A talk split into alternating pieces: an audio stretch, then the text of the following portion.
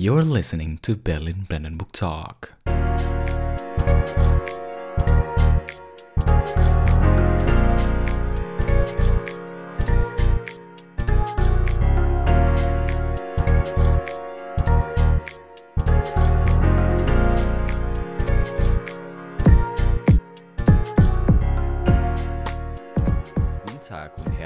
Willkommen zu unserem Podcast Berlin Brandenburg Talk, or widely known as To Be Talk, with your host Adib dan Maulana. Halo Maulana. Halo.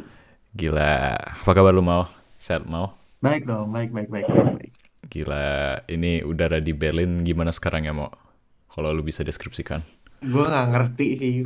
Paling parah tuh tanggal 6 April kemarin tuh. Hmm, Satu hari itu hujan, salju, terus matahari, terus Hmm. dingin. Wah, gue udah ngerti deh.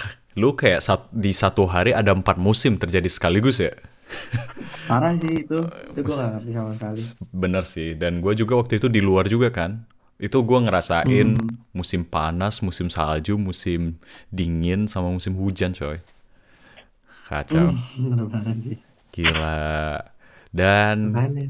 Gue ingin berterima kasih sebanyak-banyaknya lu, buat lu Maulana, udah ngeluangin waktunya cuy. Kayak ngebantuin. dong. Em, Dengan senang hati dong. iya, kita nih pengen diskusin sesuatu nih mau. Kayak, menurut lu topiknya tentang apa nih mau? Menurut gua, atau menurut kita, Anjay. eh, topik yang penting untuk saat ini kita bicarakan itu tentang gimana cara gimana sih caranya kita bagi calon-calon mahasiswa ke Jerman itu mempersiapkan diri sebelum kuliah atau sebelum student college di Jerman tuh gimana sih?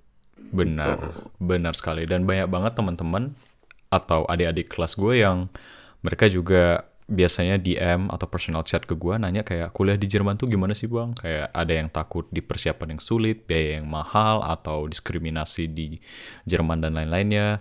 Yang nanti kita akan bahas juga di sini kan ya mau? Hmm, pasti dong, kita bakal bahas itu semua. Oleh karena itu, kita sekarang kedatangan dua narasumber yang wah gila spesial banget dan gue juga ingin berterima kasih sebanyak-banyaknya kepada narasumber yang sudah menyediakan waktunya untuk diskusi sama kita nih. Siapa aja nih? Yang pertama ada Faye dan Albin. Faye dan Albin Halo. boleh Halo. boleh. Halo teman-teman, gila. Mungkin bisa perkenalan dulu mulai dari Faye. Ya boleh. Halo, gue Faisal. Saat ini gue masih di Indonesia. Gue student college Indonesia. Sekarang semester 2. Eh gue ngambil tekurs. Dan rencananya sih gue pengen ngambil WING nanti. Oh, berarti lo STK-nya di Indo sekarang? Udah dua iya, semester? bener. Di Indo. Wadidaw, luar biasa. Lalu yang kedua ada Hmm. Albin. Albin, perkenalkan coy. Halo, nama gue Albin. Jadi gue mm, di sini di Berlin udah satu setengah tahun. Gue STK TU Berlin, Em, ambil jurusan tekurs. Oh, tech course di TU Mhm. Berlin. Udah semester berapa tadi? Semester 2. Dan ini dia narasumber kita, Faye dan Albin. Terima kasih banyak sekali lagi udah nyempatin waktunya. Nah, karena kebetulan nih, Sama-sama. Iya, karena kebetulan gue termasuk em, salah satu orang yang berangkatnya berangkat ke Jerman itu kan tahun 2017 awal ya, tanggal eh, bulan Januari ya. Lebih tepatnya tanggal 21 Januari dan sistem yang diimplementasikan atau sistem yang sedang berlaku pada saat itu untuk persiapan studi ke Jerman itu sangat berbeda dengan em, dengan sistem yang sekarang berlaku atau ya tahun lalu yang lagi yang berlaku tahun lalu. Jadi eh gue atau kita dari Berlin Brandenburg Talk memiliki inisiatif untuk mengundang narasumber-narasumber yang masih stud call gitu biar lebih apa aktual gitu informasinya ya kan mau Hmm, betul. benar sekali. Boleh dimulai Maulana. Gimana? Boleh sih. Eh, mungkin kita mulainya itu dari mungkin persiapan pas kelas 3 SMA kali ya. Karena kan setahu gua persyaratan yang penting untuk apa sebelum ke Jerman tuh kan harus lulus SMA dengan nilai UN yang mencukupi Benar. gitu. Hmm. Itu setahu gua tuh waktu gua lulus waktu itu tuh kedutaan Jerman di Indonesia. Ini gua nggak tahu ya apakah ini benar atau enggak. Tapi rumornya waktu itu tuh eh mereka tuh eh, nilai UN yang mau mereka terima untuk visa, untuk supaya visa gua ini diterima gitu ya, Hmm. itu tuh cukup tinggi gitu, rumornya. Gitu. Hmm. Mungkin wak- mungkin dari Albin atau Faisal mungkin bisa cerita waktu kalian tuh kayak gimana waktu apa UN kalian itu waktu itu dari kedutaan tuh kayak gimana? Responnya persyaratannya. Hmm, kalau gua sih ya, em, salah satu alasan gua ke Jerman malah sebenarnya karena yang dibutuhkan paling besar kan nilai UN. Karena di raport SMA gua hancur banget. Hmm. Em, em, tapi kalau untuk nilai yang harus tinggi UN sih enggak sih. Temen gua rata-rata 6,0 juga sekarang masuk Jerman juga kok. Kalau terakhir, soalnya angkatan gua angkatan terakhir yang punya UN, apalagi yang sekarang udah nggak ada UN. Gue sekarang malah nggak tahu kayak gimana kalau gitu.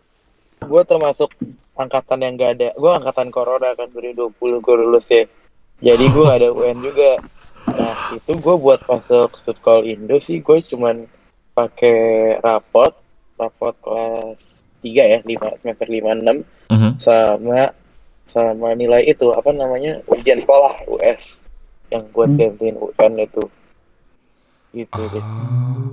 Wah ini kita ada orang yang langsung mau yang nggak ngerasain UN. Iya. Gila, bersyukurlah bagi orang-orang yang nggak merasakan UN.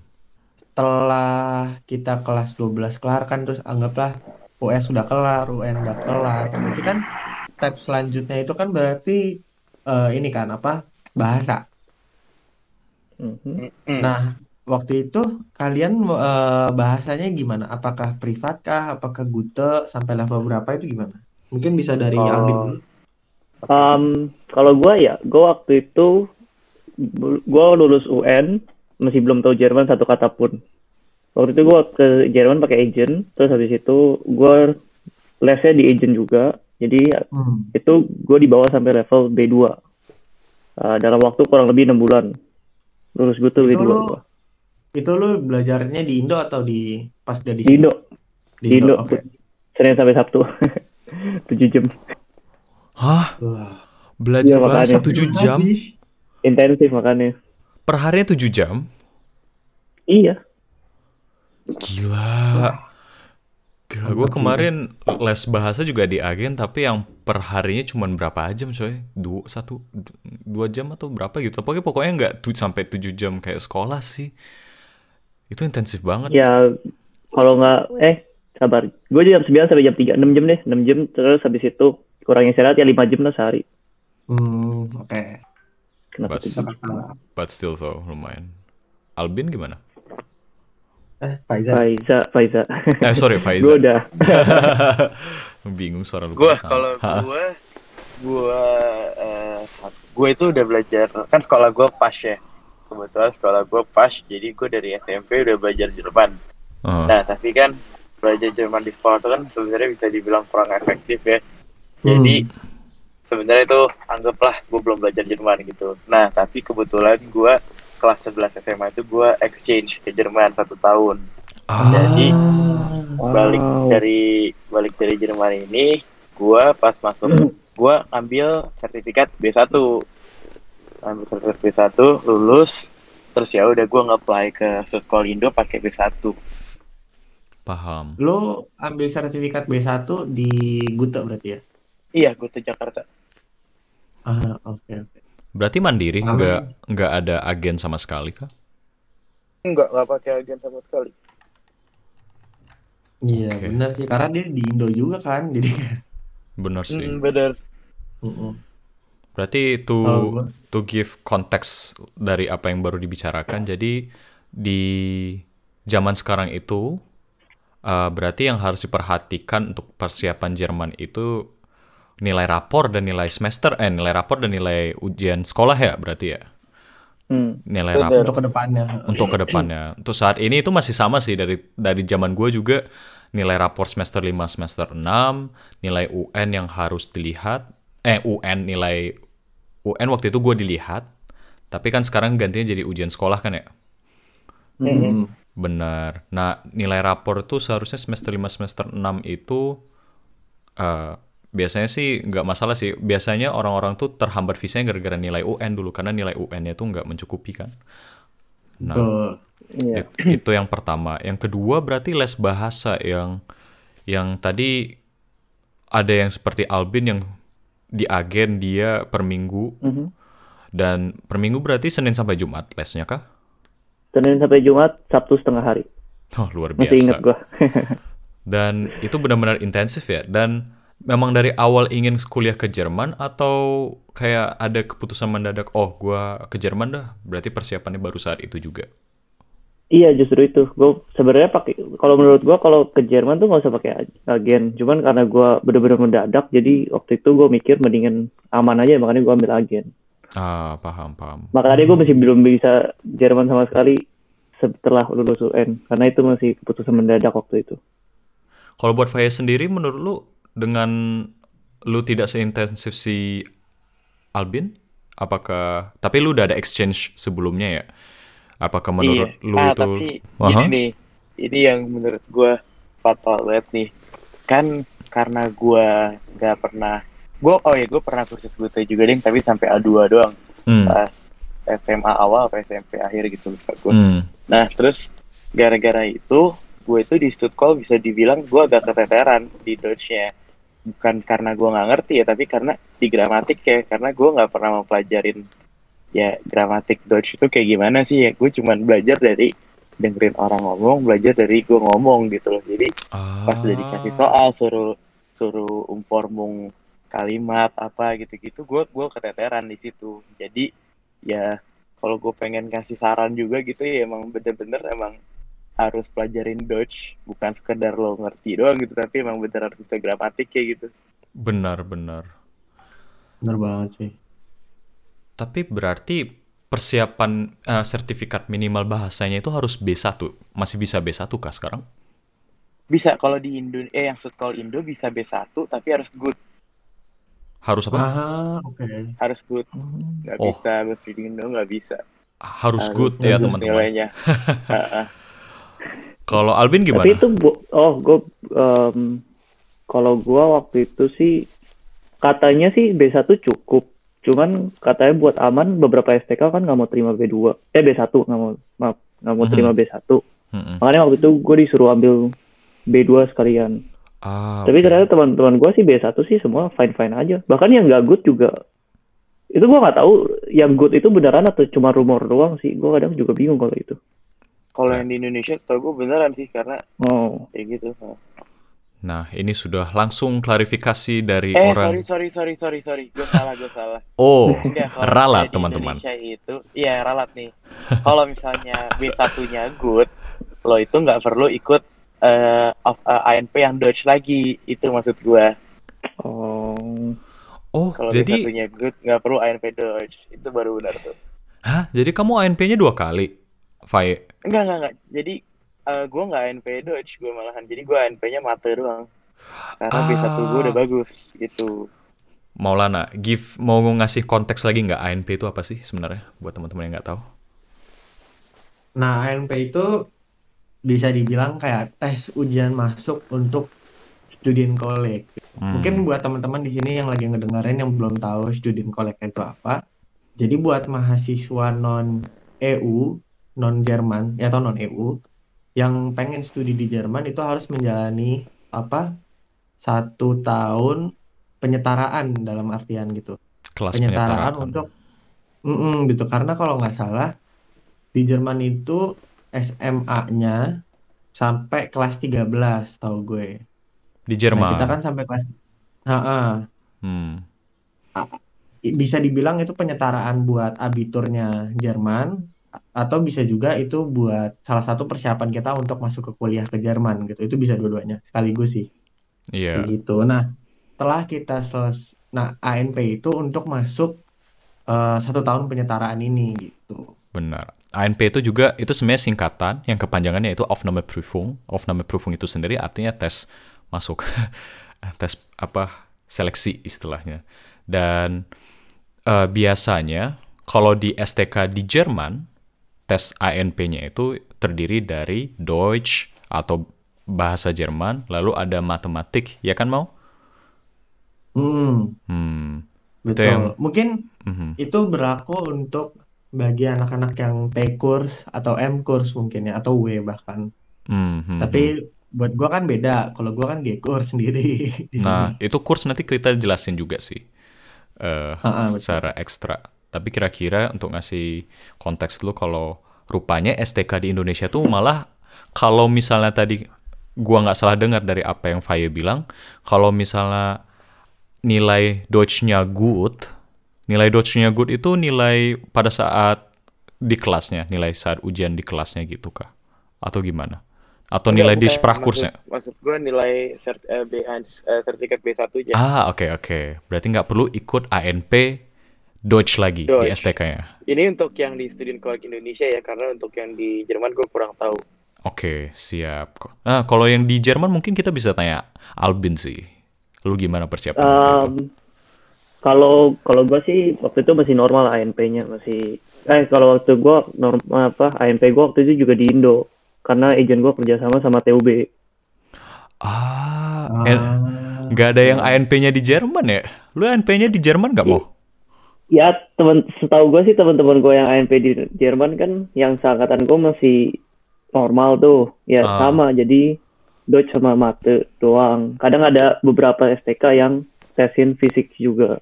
Hmm, fisik atau fisika, teman-teman. Ingat, Mm-mm. menarik. Eh, dan juga penting itu penen- nentuin kota di mana kita. Kalau kalau kasusnya di Jerman ya, Hmm. eh, nentuin kota di mana kita mau student college. Itu juga berpengaruh menurut gua. Kenapa berpengaruh tuh mau? Menurut lu mau? Karena lingkungan sih. Lingkungan ya? Tergantung kitanya. Kayak misalnya kalau gua waktu itu daftarnya di student college ada di lim ada ada empat. Hmm. Eh, Nordhausen, Halle. Ini kota-kota di Jerman. Nordhausen, Halle, Hannover, sama Heidelberg. Hmm. Ini semua berurutan. Jadi Nordhausen pertama, Halle kedua, Hannover, habis itu Heidelberg gitu kan. Iya, benar. Gue tes di Nordhausen, keterima, habis itu masuk di Nordhausen, Halle nggak keterima, terus Hannover keterima gitu. Jadi bukan berarti kalau misalnya kita ANP-nya diterima nih, kita fix di satu tempat gitu. Itu Iya. keputusan kita karena bisa juga kita keterima di tempat lain, akhirnya kita mutusin untuk keluar dari STK yang sekarang terus pindah gitu. Itu harus perlu Benar, strategi benar. juga sih. Dan juga kalau lu udah keterima kan lu harus daftar ulang lagi kan. Dan sebelum lu daftar ulang, itu lu sebenarnya belum termasuk mahasiswa STK di sana gitu, ya kan? Belum termasuk student di sana. Betul. Lu pendaftaran ulang baru lu fix eh, tinggal di sana gitu atau sekolah di sana. Gue mau tanya specifically ke Albin em, Mhm. yang kebetulan STK-nya di Jerman nih. Lu ada lu kalau waktu mau milih STK itu, itu dipilihin agen atau lu yang milih sendiri STK-nya? Tempat STK. Um, kalau pertama kan buat ANP dapetin jelasin dulu kan. Hmm.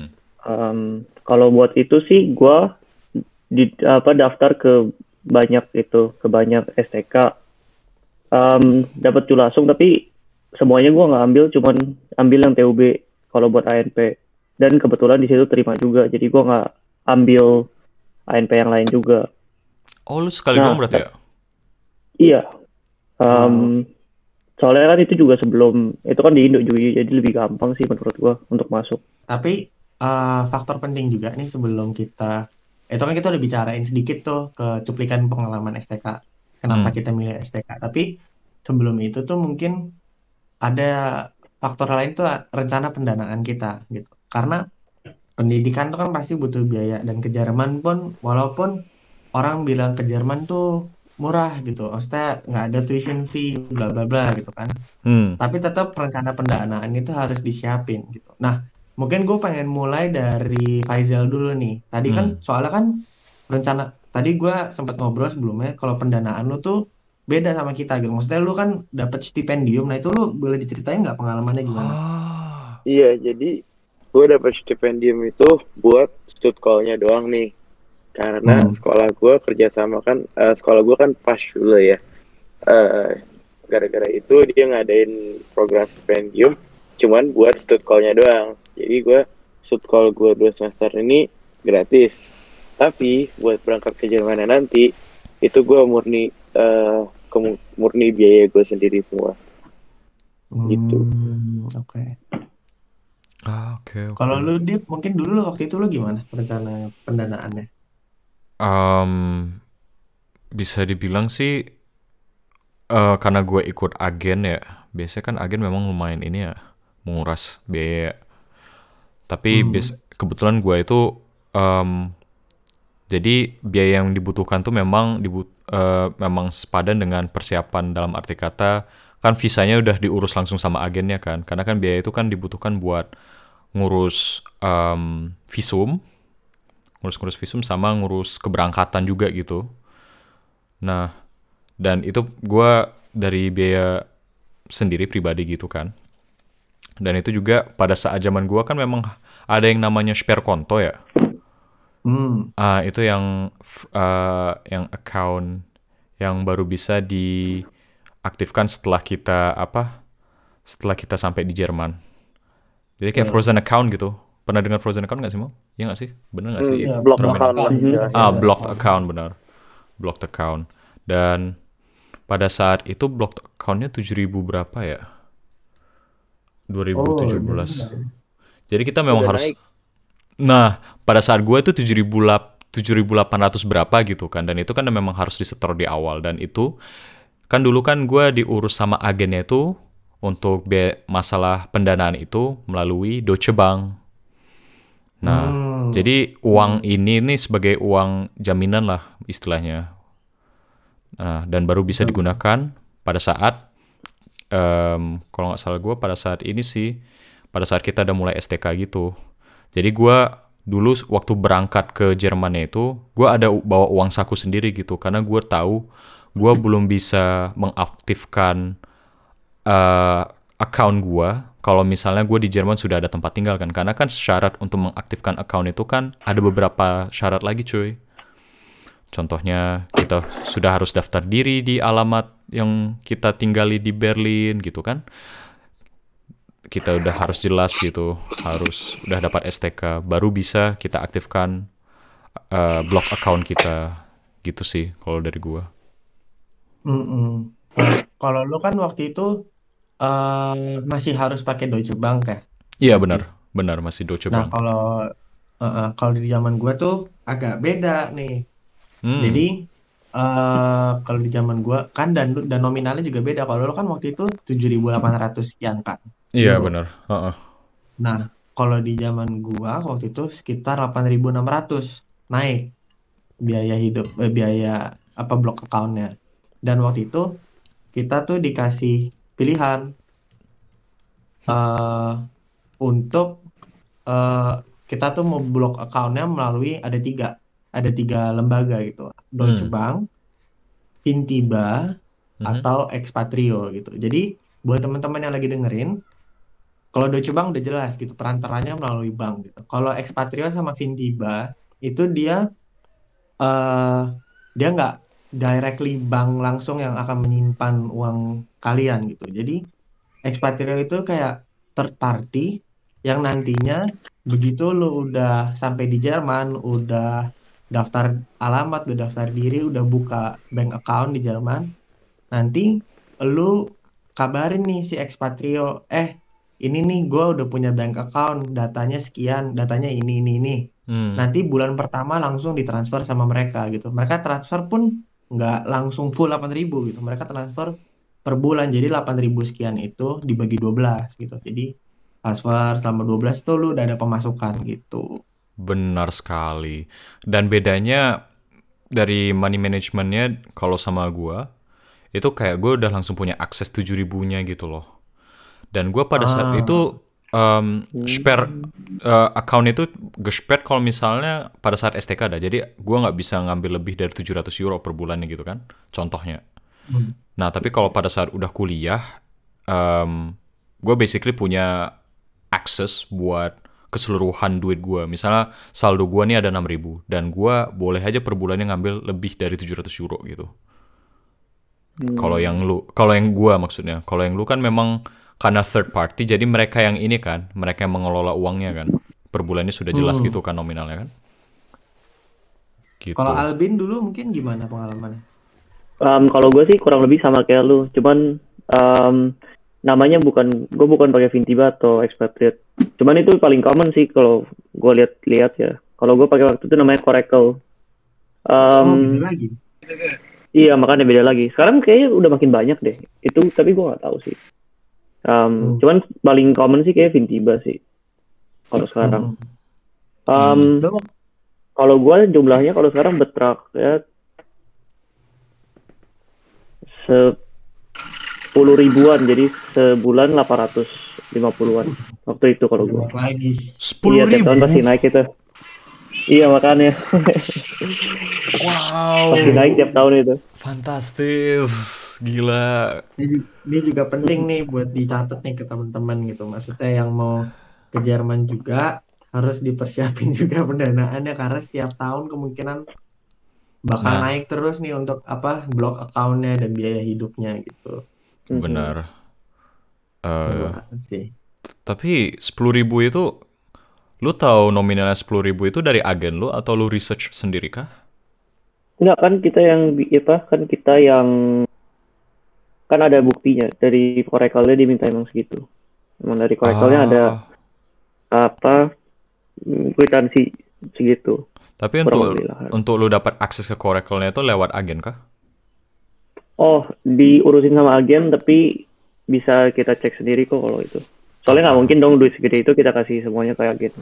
Benar, benar, benar, benar, benar. Itu sih. Tapi berarti lu 10.000 ribu sekian itu salah satu syarat untuk dapetin visa kan? Iya, betul. Iya. Masih sama kayak lu. Hmm. Lu tahun berapa BTW di sampai Jerman mau? Gua tuh gua selesai UN tuh tahun 2018 bulan Maret atau April. Hmm. Terus gua langsung gute 8 bulan sampai Agustus atau September gue lupa. Terus gua langsung udah apply visa, apply studcall segala macam. Akhirnya berangkat tuh Januari 2019. 2019 sekarang 2021. Nominal eh, selisihnya bisa selisih 2000 ya. Makanya gede banget. Tapi mungkin beda nggak sih per apa jumlah Vintiba sama expatriate gitu? Nah, Jumlah ekspatriat, itunya. kemarin tuh gua cek eh, ini cuplikan lagi nih buat teman-teman lagi dengerin. Jadi kalau Hmm. misalnya mau perpanjang visa, biasanya di Jerman itu biasanya ada apa? Ada syarat harus ngasih lihat bahwa beda-beda sih setiap kota gitu. Tapi biasanya antara dilihat punya 10.000, punya blok account sebesar 10 ribuan juga atau setiap bulan ada bisa di apa? Bisa dikasih bukti kalau setiap bulan tuh ada pemasukan misalnya dari orang tua atau dari stipendium gitu. Dan itu bisa Sama dilihatnya sekarang masih 10.000 juga. dilihatnya dari rekening koran kan. Betul, Ya. dari rekening koran. Kita harus store, bukan store ya, kita harus membawa bukti rekening koran juga sih kayak pengeluaran berapa beberapa bulan terakhir gitu. Gue lupa spesifik gue lupa specifically berapa bulan terakhir gitu.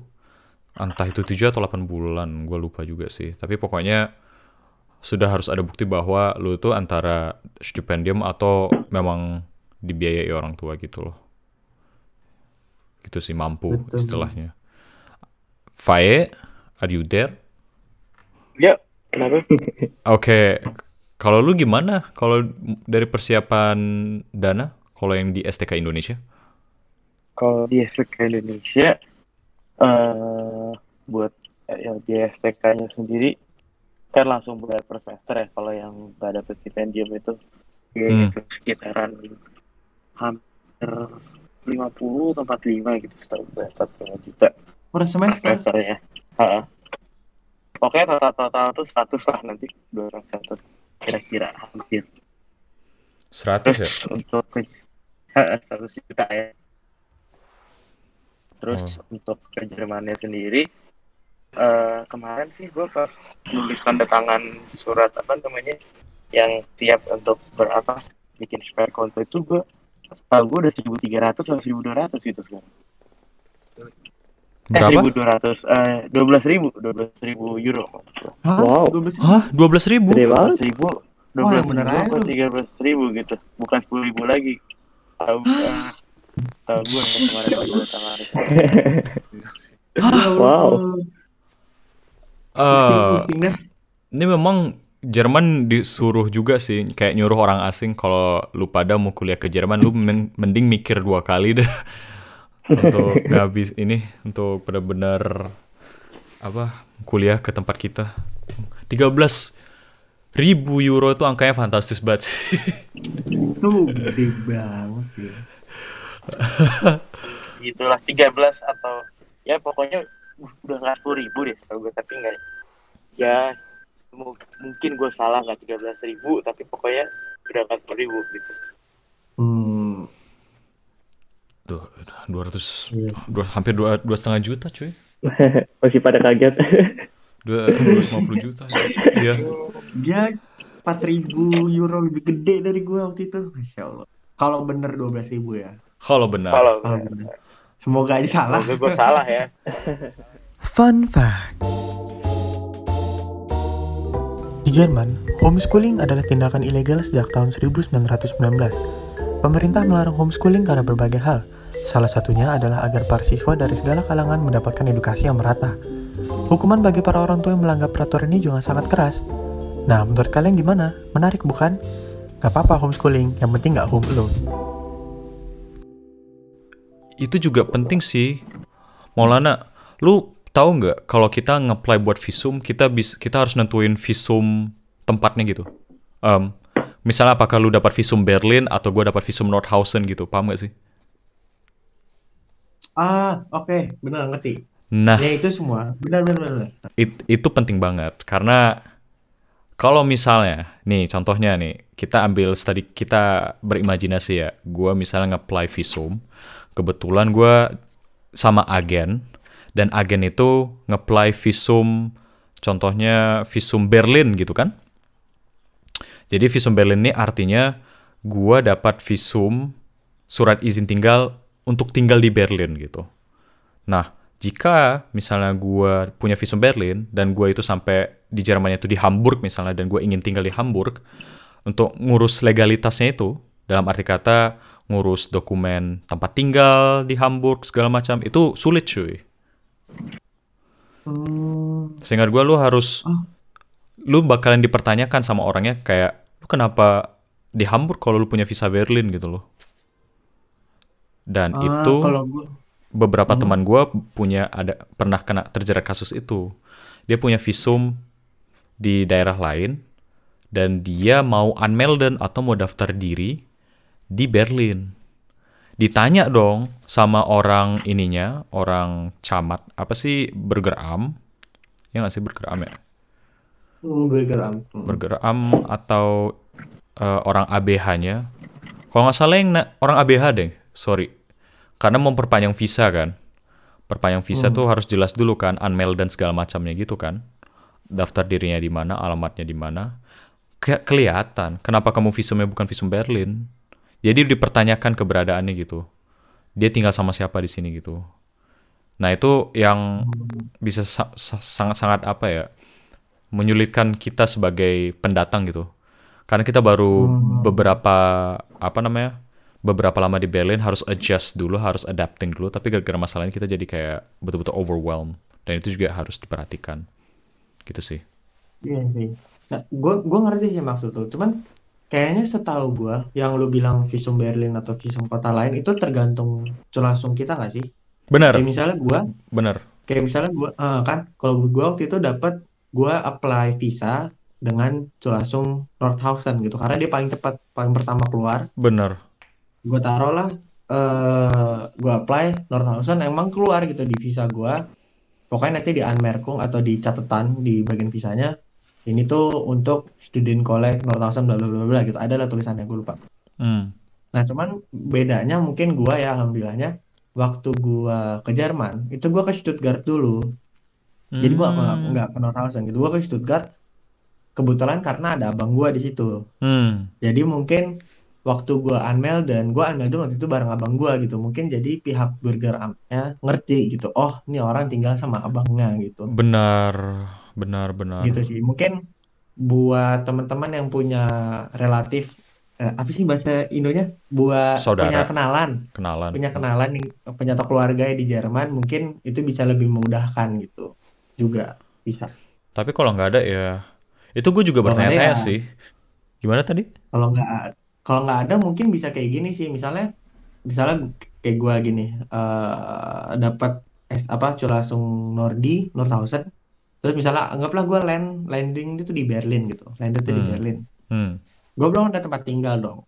Kemungkinan Hmm. besar mungkin gua harus numpang dulu sampai gua dapat tempat tinggal di Nordhausen gitu. Benar. Benar. Kayak gitu nggak sih biasanya? Biasanya kayak Aduh, gitu gua sih. Gue sih biasanya dengar-dengar dari teman-teman gitu sih. Gimana? Mungkin dari Albin mungkin ada mau ngomong gimana? Mau gitu? Kalau gue sih, gue nggak pernah tahu ada kayak begituan ya. Mungkin itu pas zaman kalian ya. Tapi kalau gue sih nggak ada. Waktu itu soalnya gue juga daftar dengan Culasung Citau. Tapi gue juga langsung kayak hari kedua langsung daftar Berlin nggak ada problema seperti itu sih. Hmm, Oh. oke. Maksudnya daftar di Berlin tuh daftar STK atau Daftar diri, daftar rumah, daftar pada saat belum keterima STK di Berlin? Udah. Tapi kan Ah. mereka tahu, harusnya nggak tahu dong dari Tap- bagian visumnya. Ah, so bukannya kamu eh, ngasih surat dokumen kayak kalau itu kan berarti kan kayak ganti visum kan? Yang pertama kan visum tiga bulan jadi visum Vorbereitungskurs kan? Eh, kalau gue langsung studian Vorbereitung meskipun baru udah pakai Culasung doang. Ah, bu, bu- bentar. Berarti nih sorry rada sulit ya. Jadi pertama dari Jerm dari Jakarta dari Indonesia ke Jerman itu pakai visum apa? Visum Studien Vorbereitung. Yang tiga bulan itu ya? Hmm, gue dapat 6. Yang enam bulan. Enak banget. Mm-mm. Baru ganti lagi setelah itu. Habis itu kan langsung Affenhout, Affenhout itu. Mungkin iya sih. Gue juga bingung sih itu jujur. Mungkin karena Iya. udah keterima STK kali ya. Jadi tapi juga lu nggak ngasih dokumen apa-apa yang membuktikan bahwa lu keterima di STK ya. Iya, makanya. Jadi itu kalau itu sih gue masih belum tahu kalau itu. Hmm. Ya, itu berarti ABH-nya antara lu dapat yang kayak angel banget, baik banget atau ABH-nya yang rese kadang ya. Tapi itu ya Mungkin. rezeki-rezekian sih. Hmm. Iya. Sip. Gimana lagi nih mau? Kita lanjut ngebahas Yang tentang penting nih, Mhm. yang lanjut lagi kita bahas ya. Itu kan kita udah ngelamar visa nih. Hmm. Kita udah siap semua. Let's say kita udah dapet lah visa gitu. Hmm. eh topik penting selanjutnya itu akomodasi, tempat tinggal. Hmm. Itu merupakan salah satu pengalaman yang paling sulit yang pernah gue alami di Jerman. Hmm, benar sih. Susah baca Ya. Allah, susah banget sih. Tapi bukan untuk mendiscourage teman-teman yang ini ya, yang mau ke Jerman. Cuman gue cuma bicara secara realistis aja. Maksudnya bahwa nyari akomodasi di Jerman itu nggak gampang. Benar sekali. Gitu. Mhm. Ini kita cuman ngasih gambaran juga bahwa memang selain sulit tuh itu berarti emang encourage kita untuk yang namanya mencari ini ya, memperlebar koneksi ya. Benar kan? Mm-mm, Harus ini sih, harus inisiatif, harus harus nge-approach sendiri langsung. Benar. Harus banyak inisiatif. Contoh kalau gue waktu itu ya, gue gue cerita pengalaman gue. Hmm. Waktu gue gue mendapatkan akomodasi di Nordhausen waktu itu nggak terlalu susah gitu. Jadi Hmm, waktu gue di hmm. Stuttgart, kita bisa cari akomodasi ada namanya WG Gesuch. WG Gesucht. Ada websitenya. Mm-mm. Heeh. Di situ gue bisa searching ada nggak ya eh, tempat tinggal yang kosong itu di mana yang lagi ditawarin gitu di Nordhausen Hmm. misalnya. Mhm. Gue gue email semua yang kira-kira menarik dan kira-kira gue bisa aff- yang affordable Mhm. dan nggak mencurigakan. Dan juga ya buat student oke lah gitu. Oke. Terus sudah di Nordhausen aman lah, gue dapet cepet tuh hitungannya. Hmm. Hmm. Cuman sebelum gua dapat itu, gua harus stay di Airbnb dulu seminggu gitu. Uh. Itu yang namanya, eh, yang namanya gua deg-degan. Walaupun gua dapat tuh lumayan cepat, tapi deg-degan tuh karena gua Airbnb seminggu tuh. Kalau gua Hmm. nggak dapat tuh gua ke mana habis itu? Karena gua nggak bisa perpanjang Airbnb-nya. Antar Iya, harus cari benar. hotel atau gimana gitu. Benar, benar, benar. Terus itu satu. Terus waktu gua di Hanover juga kan gue setelah dari Nordhausen pindah ke Hannover kan ke Hannover Hmm. lagi gue harus Airbnb lagi dulu ah, Airbnb lagi seminggu Hmm. Airbnb seminggu untuk nyari tempat tinggal di Hannover dapat tapi yang sementara cuma tiga bulan oke gue ambil gue tanda tangan kontrak tiga Hmm. bulan ini tiga bulan ini eh setelah gue tiga bulan gue belum dapat tempat tinggal nih. Gue tanya Mhm. dong ke vermieter ke yang punya tempat tinggal akomodasinya. Gue boleh nggak perpanjang? Kira-kira dua minggu deh atau empat atau satu bulan atau dua minggu. Hmm. boleh nggak? Ya udah boleh gitu. Nah gue seneng kan dua minggu tuh gue kejar-kejar tuh semua iklan tuh gue datengin gue tanya ada nggak tempat tinggal yang kosong gitu Uh, Wiggins Hunter banget ya lu ya. Iya makanya terus kayak akhirnya ada satu di jauh lah di selatan gitu cuman oke lah gue datengin gue Hmm. datengin akhirnya gue baru dapat yang permanen gitu dia tuh perju- lumayan perjuangan sih Benar-benar. Kalau lu gimana Bin? Wah, kalau gua waktu itu nyampe Jerman parah banget kalau cerita akomodasi. Eh, bentar ya. Faye sorry banget nih belum bisa Faye belum bisa relate ya. Tapi mungkin bisa setidaknya Faye bisa dapat gambaran lah ya. Um, Hmm, Iya nih, bener-bener. Ini ini bakalan challenging banget buat lu apalagi yang baka yang sampai Jerman udah harus kuliah gitu loh. Ini untung kita masih Bener. persiapan STK ya. Ya nggak sih Maulana iya, sama Albin. Nah, la- lanjutkan Albin. Gimana gimana gimana? Ah, kalau gua waktu itu kan rumah dicariin agent kan. Jadi gua kayak um, ya udah dia yang ngurusin kan. Hmm. Terus pas dua jam sebelum gua apa naik pesawat, i- apa orang agent ini nelfon gua ngomong, Bin, apa rumah lu ternyata di cancel sama vermiternya. Luar Wah, biasa. Waduh, gua gua gua, gua stres dong. Terus gue bilang, ya terus gimana dong? Katanya ntar dicariin lagi. Pas gua transit di Doha, katanya udah ketemu, Ah, udah dapat penggantinya yang baru, rumah Oke. baru. Itu Oke. itu cepet banget mereka. Gua juga nggak tahu caranya gimana. Sekarang suruh cari 6 jam, rumah juga gua nggak bisa.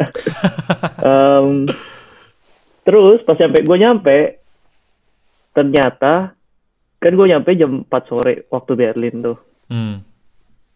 ternyata harus ambil kunci di kantor di di bagian kota kayak dari barat ke timur gitu. Jauh banget Wah. pokoknya. jauh banget kalau di Bering sih itu.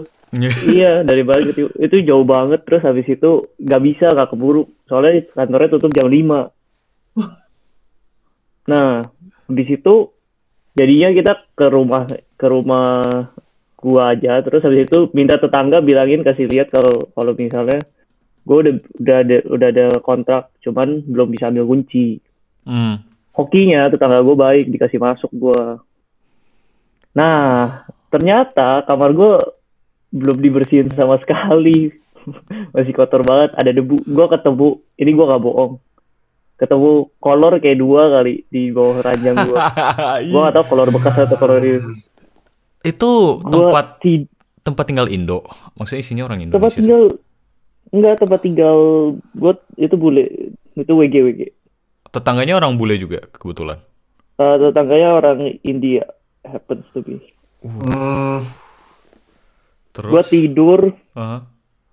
gue waktu pinjam sapu gue nggak berani tidur di ranjangnya gue gue tidur di lantai gue waktu itu.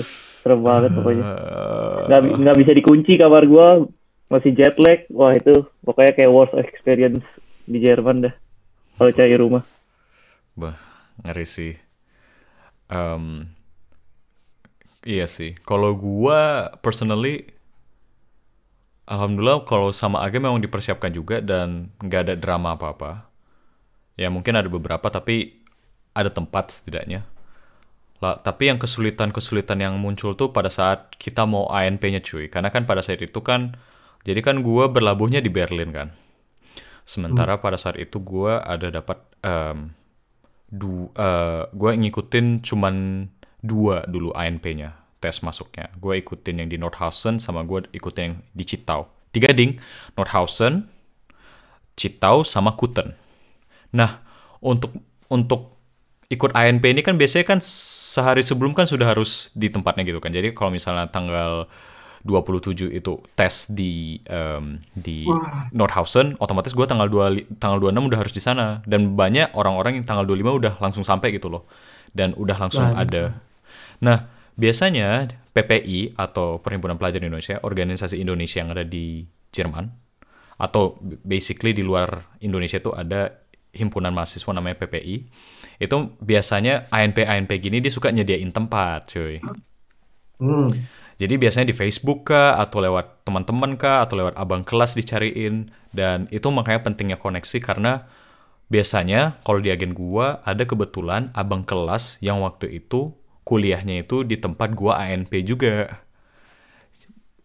Um, Jadi dia udah bisa langsung nge-secure tempat buat gua gitu kan. Padahal kita sama-sama deg-degan juga. Itu yang waktu di Nordhausen. Yang di Citau kebetulan juga ada inisiatif dari mahasiswa atau siswa-siswa Indonesia di Citau. Oke, kita pengen ngasih tempat lah buat ini, buat anak-anak Indonesia yang pengen ANP sekaligus ingin persiapan buat ujian masuknya juga. Itu sukanya. Sa gua sukanya sama mahasiswa yang eh, persiapan di Citau karena selain kita dipersiapkan secara mental juga, akomodasinya sangat lengkap. Mulai dari tempat tinggal itu menurut gua lumayan convenient walaupun kita harus tidur pakai sleeping bag dan untuk masalah makan juga ditanggung. Nah, gitu. Kalau di Kuten gue harus nyari lagi tempat tinggal. Ini eh and PS ya, PS. Maksudnya catatannya ini untuk tempat tinggal sementara. Biasanya kan buat ANP kan kita perlu tempat tinggalnya cuma perlu buat satu malam atau dua malam doang kan. Nah, Hmm. nah itu biasanya banyak yang suka panik eh, karena belum ada dapat tempat tinggal gitu. Ada yang berangkatnya harus dari malam-malam jadi sampai sampai di tempatnya tuh langsung ujian gitu loh. Which is itu kayak ma- eh, sinless gitu loh. Capek banget. Lu udah capek duluan di jalan dan lu harus fokus lagi di ujian. Itu ada orang-orang yang seperti itu. gue pengen nanya ke Faye dah, kan kita udah lama gak bicara ke Faye nih sebelum kita lebih detail lagi. Faye, apakah Anda masih di sana? Masih dong nungguin nih. Wah, luar biasa. Tadi kita udah ngebahas panjang lebar tentang visa ke Jerman, akomodasi segala macam gitu. Lu BTW udah mulai melamar visa ke Jerman belum ya? Sudah ada rencana kapan? Belum, belum. Karena eh, kalau gue itu bisa apply visa kalau misalnya gue udah lulus FSP. FSP lu biasanya kapan? Mulainya? FSP-nya kemungkinan gue Juni ini. Ah, Juni nih. Wah, sudah sangat dekat ya. April, Mei, Juni, dua bulan lagi. Oh kalau di Sudcall Indo juga Aha. sebelum nyampe FSP itu ada kita kayak apa kan kalau di Sudcall Indo kan ada klausul-klausulnya ya. Iya. Jadi kalau misalnya klausul di semester 2 ini nilainya nggak mencukupi, kita nggak dapat langsung buat ikut FSP, jadi disuruh ngulang semester 2. Uh, Berarti lu boleh ikut FSP kalau misalnya nilai lu di atas rata-rata sekian gitu misalnya. Iya, Oh gitu ya? Dulu, Iya, dulu gitu kan gue gitu. Kalau kita sih sini enggak sih. Kita kalau nggak yang gitu. gue denger emang emang Sudcall Indo lebih susah maksudnya. Lebih strict gitu lah. Hmm. Tapi iya sih, itu gue juga penasaran sih. Um, gue kalau nggak salah kan untuk ke STK itu cuy, gue kan, tapi itu lebih ke persiapan visum ya. Motivation dan recommendation letter itu buat persiapan visum dan ini kan cuy, cul- untuk dapatin culasung kan, ya nggak sih mau?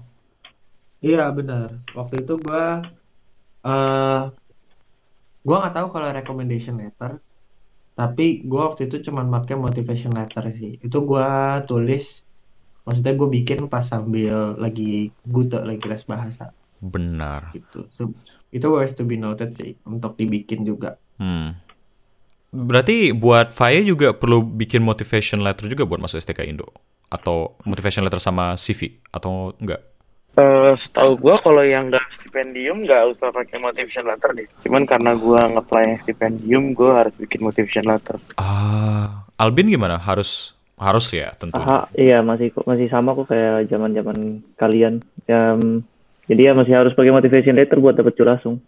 Mungkin Maulana, Faye juga dan Albin juga mungkin bisa relate kan kita disuruh bikin motivation letter yang dalam bahasa Jerman ya. Itu kan kita kemampuan bahasa Jerman Iya, kita benar. masih minim ya. Itu gimana sih lu bikin motivation letternya? Kalau buat motivation letter, setahu gue yang penting ya kayak kenapa lu apa mau kuliah di Jerman, kenapa lu mau milih STK ini, kenapa lu mau um, ambil jurusan ini, lu mau ambil jurusan apa atau kalau Mm-mm. Kayak em, motivasi lu lah untuk ke Jerman untuk di STK itu apa gitu. Benar, Bin. Itu yang poin yang paling penting yang perlu dicatat. Motivasi lu Mm-mm. kuliah di Jerman itu apa? Itu yang memang harus dijabarin di motivation letter lu. Dan itu juga, walaupun kita se- pribadi nggak tahu ya apakah satu institut, maksudnya satu STK itu dia perhatiin motivation letter atau CV kita atau enggak. Tapi setidaknya mungkin itu Iya. bisa jadi sa- satu faktor meyakinkan selain nilai-nilai kita bahwa lu itu sebagai selain eh, sebagai orang asing gitu punya inilah punya semangat atau punya motivasi untuk benar-benar kuliah gitu dan itu meyakinkan pihak pelamar Betul, ya, gitu sih Mm-mm. Tapi Itu. ini sih motivation letter juga, tapi menurut gue jangan ya jangan setengah-setengah juga gitu. Dibikin sebagus mungkin aja gitu. benar Walaupun ah, walaupun nggak begitu berpengaruh ya ke visa atau ke studcall.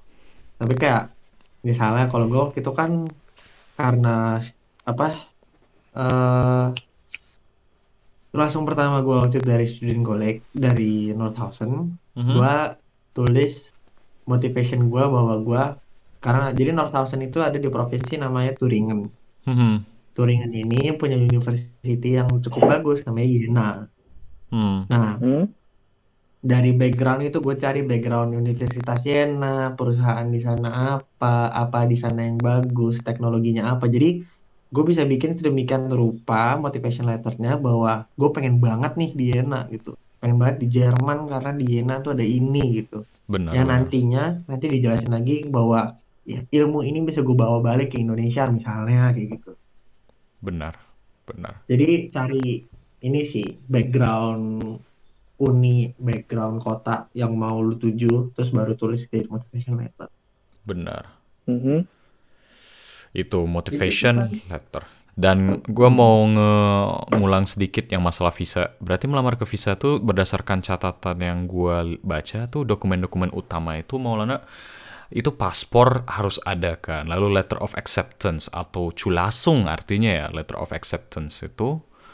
Lalu ada sertifikat bahasa ada bukti jaminan finansial ya kan bukti Hmm, jaminan fi- dengan maksudnya bukti jaminan finansial tuh mungkin tuh em, em, eh, mungkin Lebih itu ke ini sih yang blok account yang tadi. block account ya block account benar. Di sini juga tertulis bukti asuransi medis which is em, gua s- Hmm, personally asuransi medis baru dapat waktu gua udah STK jujur sih iya. Sama. tapi tapi memang sangat dis- memang disarankan banget sama orang agen kayak sesampainya di Jerman please urus asuransi langsung jangan ada satu hari di mana kalian tidak ada asuransi di negeri orang gitu loh itu yang paling penting sih Oh, kata seingat gue juga di pas di kedutaan kan disuruh isi formular gitu kan. hmm, Kan bisa ada option asuransi ada option kayak asuransi ntar pas udah di Jerman gitu langsung dibikin.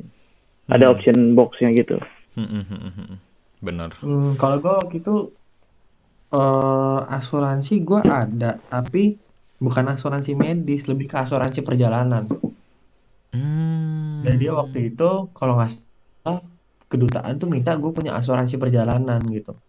Ya udah akhirnya gue datang ke salah satu perusahaan asuransi di Jakarta, Hmm. gue apply terus kayak eh kalau nggak salah itu berlaku sekian enam bulan sampai gue punya asuransi ini apa kesehatan di Jerman gitu sih.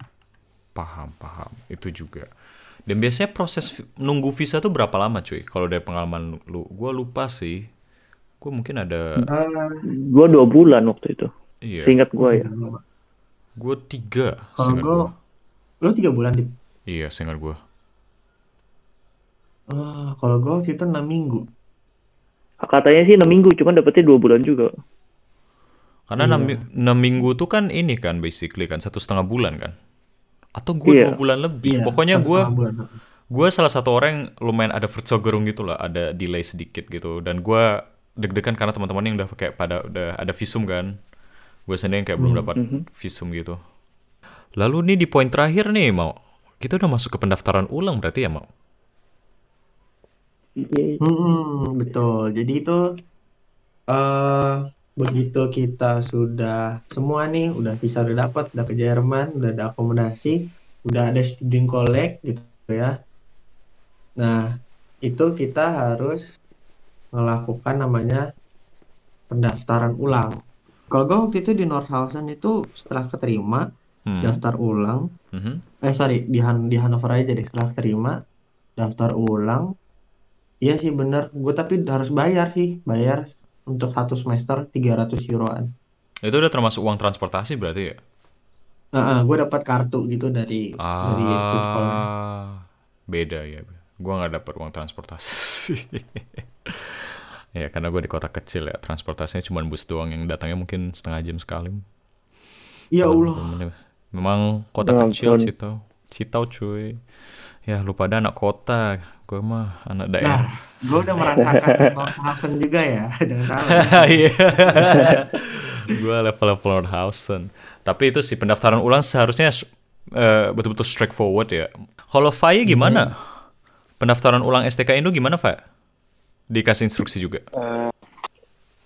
Daftar ulangnya gimana ya? Kan kita ANP nih. ANP keterima. Udah deh, nggak ada daftar ulang lagi. Oh ada deh, nggak. Tapi bukan daftar ulang ding. Jadi kita kita kayak diundang gitu buat info Veranstaltung gitu. Jadi kayak di hari itu kita dijelasin Sutkol tuh gimana, terus Hmm. dibagiin buku juga. Udah gitu aja deh. Hmm, hmm, Oh, hmm. jadi mahasiswa yang diterima itu di disuruh datang. Ah, dikirim lewat email kan, keterima gitu, terus suruh datang. Hmm. Simpel sih kalau di Indo. Tapi berarti ini fix ya, menurut pandangan lu setelah lu mendengar cerita persiapan kita ke Jerman, S kalau lu bandingkan STK di Indo sama STK di Jerman, berarti lebih suka lebih sulit STK di Jerman ya berarti ya, Fek? Oh enggak sih, maksudnya sulit dari mana nih? Kalau dari persiapan mungkin lebih sulit di Jerman ya. Cuman kalau dari yang gue denger lebih susah, maksudnya dari sisi akademisnya lebih susah di STK Indo. Ah, mungkin karena selain lu belajarnya di comfort zone juga ya, di mana lu kan orang Indo semua ya. Jadi Mungkin. memang kompetensinya memang harus ditingkatkan juga ya. Gih. Menarik, menarik. Faye, selama lu persiapan STK mungkin lu bisa kasih saran gitu kayak apa aja sih yang perlu diperhatikan, pitfalls pitfalls apa aja yang perlu disadari gitu sehingga orang-orang nggak Hmm. tergelincir gitu. Ya kalau gue bilang lebih persiapin ke ke Deutsch-nya ya, beneran dibagusin. Sama gaya belajarnya bener-bener harus berubah dari SMA. Karena kalau menurut gue udah nggak bisa main-main ke SMA gitu loh, kayak beneran yang kita pelajarin di Stutkol di rumah harus kita ulang lagi gitu karena karena nggak karena materinya ya banyak juga gitu loh materi kan Stutkol tuh sebenarnya materi-materi SMA ya diulang lagi kan Hmm. cuman kadang lebih lebih dalam juga kan pembahasannya jadi ya ya harus di harus benar-benar lebih rajin dibanding SMA gitu sih menurut gue Kalau dari Albin gimana? Menurut lu, Bin? Iya sa- sama sih persiapan bahasa. Gue udah di sini setahun juga masih nggak bisa bahasa Jerman kok rasanya. Iya sih. Horen lu juga sudah mulai terasa kan? Lu kalau mau kuliah ke Jerman iya, yang kalau Horen sih masih oke, cuma maksudnya itu kalau untuk, selain uang um, itu waktu Oh Sprache sih belum itu dan bagus sih menurut uang dan gua. Waktu. Terutama kalau waktu Selain ya bahasa, um, ini sih memang kalau lu udah di memang STK-nya, harus punya tekad ya yang yang paling bulat, yang sih kuat untuk jangan bolos kelas menginvestasikan kurang lebih pelajarannya sama waktu lu untuk Jadi, mempersiapkan ini karena waktunya kembali selain lagi tidak ini gua mau tidak pendek ya dan itu juga sulit kan banyak banget tantangan-tantangan yang yang kadang lu bisa overwhelm dan lu harus ready untuk bisa mengovercome persiapan-persiapan tersebut.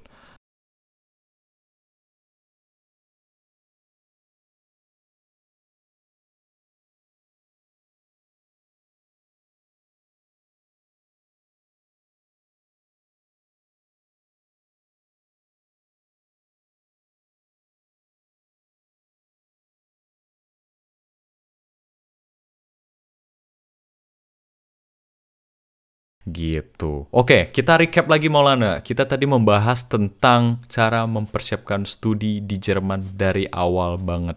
Tadi gimana Maulana? Dari- Mungkin lu Dari bisa awal banget ya. ya singkat. Dari awal banget itu eh kita pertama harus eh pas kita udah SMA cari informasi sebanyak mungkin sama siapin eh, studi kita itu di UN atau di US atau ujian sekolah itu dan mendapatkan nilai sebaik mungkin. Itu satu. benar. Mm-mm. Kedua, setelah itu kita harus belajarin bahasa Jerman sampai eh, minimum persyaratannya itu B1. Mhm. Kalau misalnya bisa B2 lebih baik. Mhm. Terus siapin juga, ini semua bisa dibilang bukan step by step ya, tapi ini lebih bersamaan gitu. Mm. Jadi nentuin student collect atau universitas juga, terus rencana pendanaan gitu kita mau apa siapin dananya dan mau blok account di Expatrio kah, Fintiba atau di tempat lain Deutsche Bank itu juga harus di di apa dipikirin gitu. Benar, benar. Motivation letter juga harus dibikin gitu juga. Mungkin bisa ditambahin dari Adib tadi apa lagi? Iya, tadi setelah dibahas itu motivation sama recommendation letter buat visum dan tentunya juga aplikasi pendaftaran buat em, ini juga aplikasi pendaftaran buat daftar ke STK-nya yang tentunya kalau bersama agen itu pasti pasti dibantu agennya, tapi kalau misalnya kamu ngerjainnya sendiri, pasti itu gunanya untuk benar-benar pasang antena tinggi-tinggi, harus melihat informasi terus terus ya kayak aktual uh, uh, actualish laganya atau em, informasi terkininya itu seperti apa itu juga harus selalu diperhatikan karena tiap tahun itu berubah-berubah biasanya untuk aplikasi pendaftaran itu setahu gue ya. Dan lalu melamar visa ke Jerman tadi juga udah dibahas juga melamar visa ke Jerman itu persyaratannya apa aja persiapannya apa aja. Lalu setelah dapat visa ke Jerman bisa terbang ke Jerman dan mencari akomodasi juga yang tentunya itu challenge juga kalau misalnya teman-teman bakalan ngambil ujian seleksinya di Jerman nanti ya nggak sih mau? Mm-mm, betul. dan juga eh, pendaftaran ulangnya. Yang tentunya pendaftaran ulang itu juga ya cukup straightforward yang nanti juga dapat instruksinya dari universitas-universitas yang eh maksudnya dari STK yang kamu lulus gitu masuk. Lalu tambahannya apa lagi dari aku satu lagi? Oh iya. Nanti untuk menentukan student collect tadi Maulana ngebahas sedikit antara student collect-nya itu universitas atau FH ya ya nggak sih? Heeh. itu ngasih background sedikit aja sebelum kita tutup. Jadi di student di Jerman itu kan ada dua jenis institusi ya untuk pendidikan. Nggak dua jenis sih, tap- ada institusinya ada banyak, tapi yang terkenal tuh biasanya kalau STK tuh antara lu mau ngambil uni atau FH gitu kan, ya nggak sih? Setelah setelah STK. Iya, setelah STK. Ausbildung tuh beda lagi, nanti kita bakalan bahas. Tapi uni atau FH, bedanya apa? Uni itu Maulana contohnya dari Freie Universität Berlin. Mungkin bisa jelaskan sedikit, uni itu apa sih? Universitas itu apa yang membedakan Uni itu sedikit? jadi kalau di Uni itu intinya ya kita singkatin aja. Uh-uh. Uni itu eh, hampir yang kita semua pelajarin itu semua teoretis, Hmm. theoretical banget. Jadi nggak nggak practical based, benar-benar cuman analisis atau ya secara teori secara teori gitu. Jadi Hmm, hmm, hmm, hmm. belum bisa dilihat aplikasinya nanti ke depan tuh kayak gimana gitu. Benar. Aplikasinya belum bisa dilihat. Tapi se- kalau gua, ya realistically speaking gitu, cuman ya iya. gitu deh. Kalau gua dari Fachhochschule, gua kuliah di HTW atau Hochschule für Technik und Wirtschaft Berlin. Dan FH itu basically sekolah tinggi ya. Tapi di di Iya, Jerman tinggi. benar, tapi di Jerman itu sekolah tinggi dan universitas tuh levelnya udah sama. Gitu, udah sama ininya. Jadi di yang membedakan itu kita 60% praktik. Kita kebanyakan praktik, teori juga ada tapi kita lebih sering bermain di eh, lapangan. Misalnya sebagai programmer dia lebih sering involve ke proyek-proyek programming bersama perusahaan. Tapi kalau dan juga kalau misal elektro dia lebih sering involve ke proyek-proyek elektro. Begitu juga dengan Maschinenbau atau mekanik itu lebih sering involve ke construction atau apa gitu. Tapi basically kita lebih banyak mengasah diri soft skill kita di lapangan gitu. Teori juga ada tapi kita lebih sering ke praktiknya. Itu sih yang membedakan. Ya, demikian podcast singkat. Ya nggak begitu singkat lah ya mau. Padat, Nggak begitu singkat. lumayan panjang lumayan panjang. lumayan Lumayan panjang lumayan lama sih ini. Ya, dan gua dan Maulana ingin mengucapkan terima kasih sebanyak-banyaknya sekali lagi buat Faya dan Albin Sama-sama. here sudah sharing pengalaman mereka dari dua perspektif yang berbeda dan tentunya ini bisa memberikan pendengar semua setidaknya Uberblick lah ya Maulana istilahnya. Uberblick itu apa sih? Overview ya? Betul. Iya, kayak gambaran. Gambaran, benar. Gambaran bagaimana persiapan ke Jerman itu kira-kira. Nah, jangan lupa teman-teman semua untuk ikutin terus episode-episode podcast Berlin Brandenburg Talk berikutnya atau To Be Talk. Selalu update Instagram kalian juga. Jangan lupa untuk follow Instagram PPI Berlin Brandenburg atau kamu bisa lihat di Instagram namanya @ppi berbrand. Jangan lupa juga untuk follow podcast kita di Spotify. Namanya juga To Be Talk untuk diskusi-diskusi menarik lainnya yang kita ngebahas tentang banyak hal ya. Ya nggak sih Maulana? Bincang santai Hmm, ada. banyak hal. Apa aja yang dibahas kira-kira di podcast kita, Bang? Kita bahas semua hal, kita bahas tentang pendidikan di Jerman, kita bahas bicara santai, kita bisa curhat, kita bisa apa pun tentang Berlin, semua yang menarik Mhm. bakal kita bahas dan tentunya nggak bakal ngebosenin kalian semua. Benar sekali.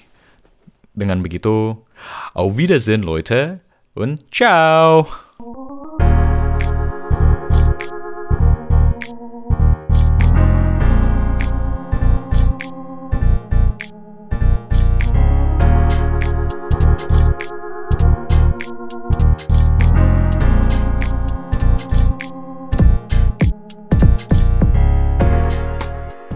Kasih telah mendengarkan episode podcast minggu ini.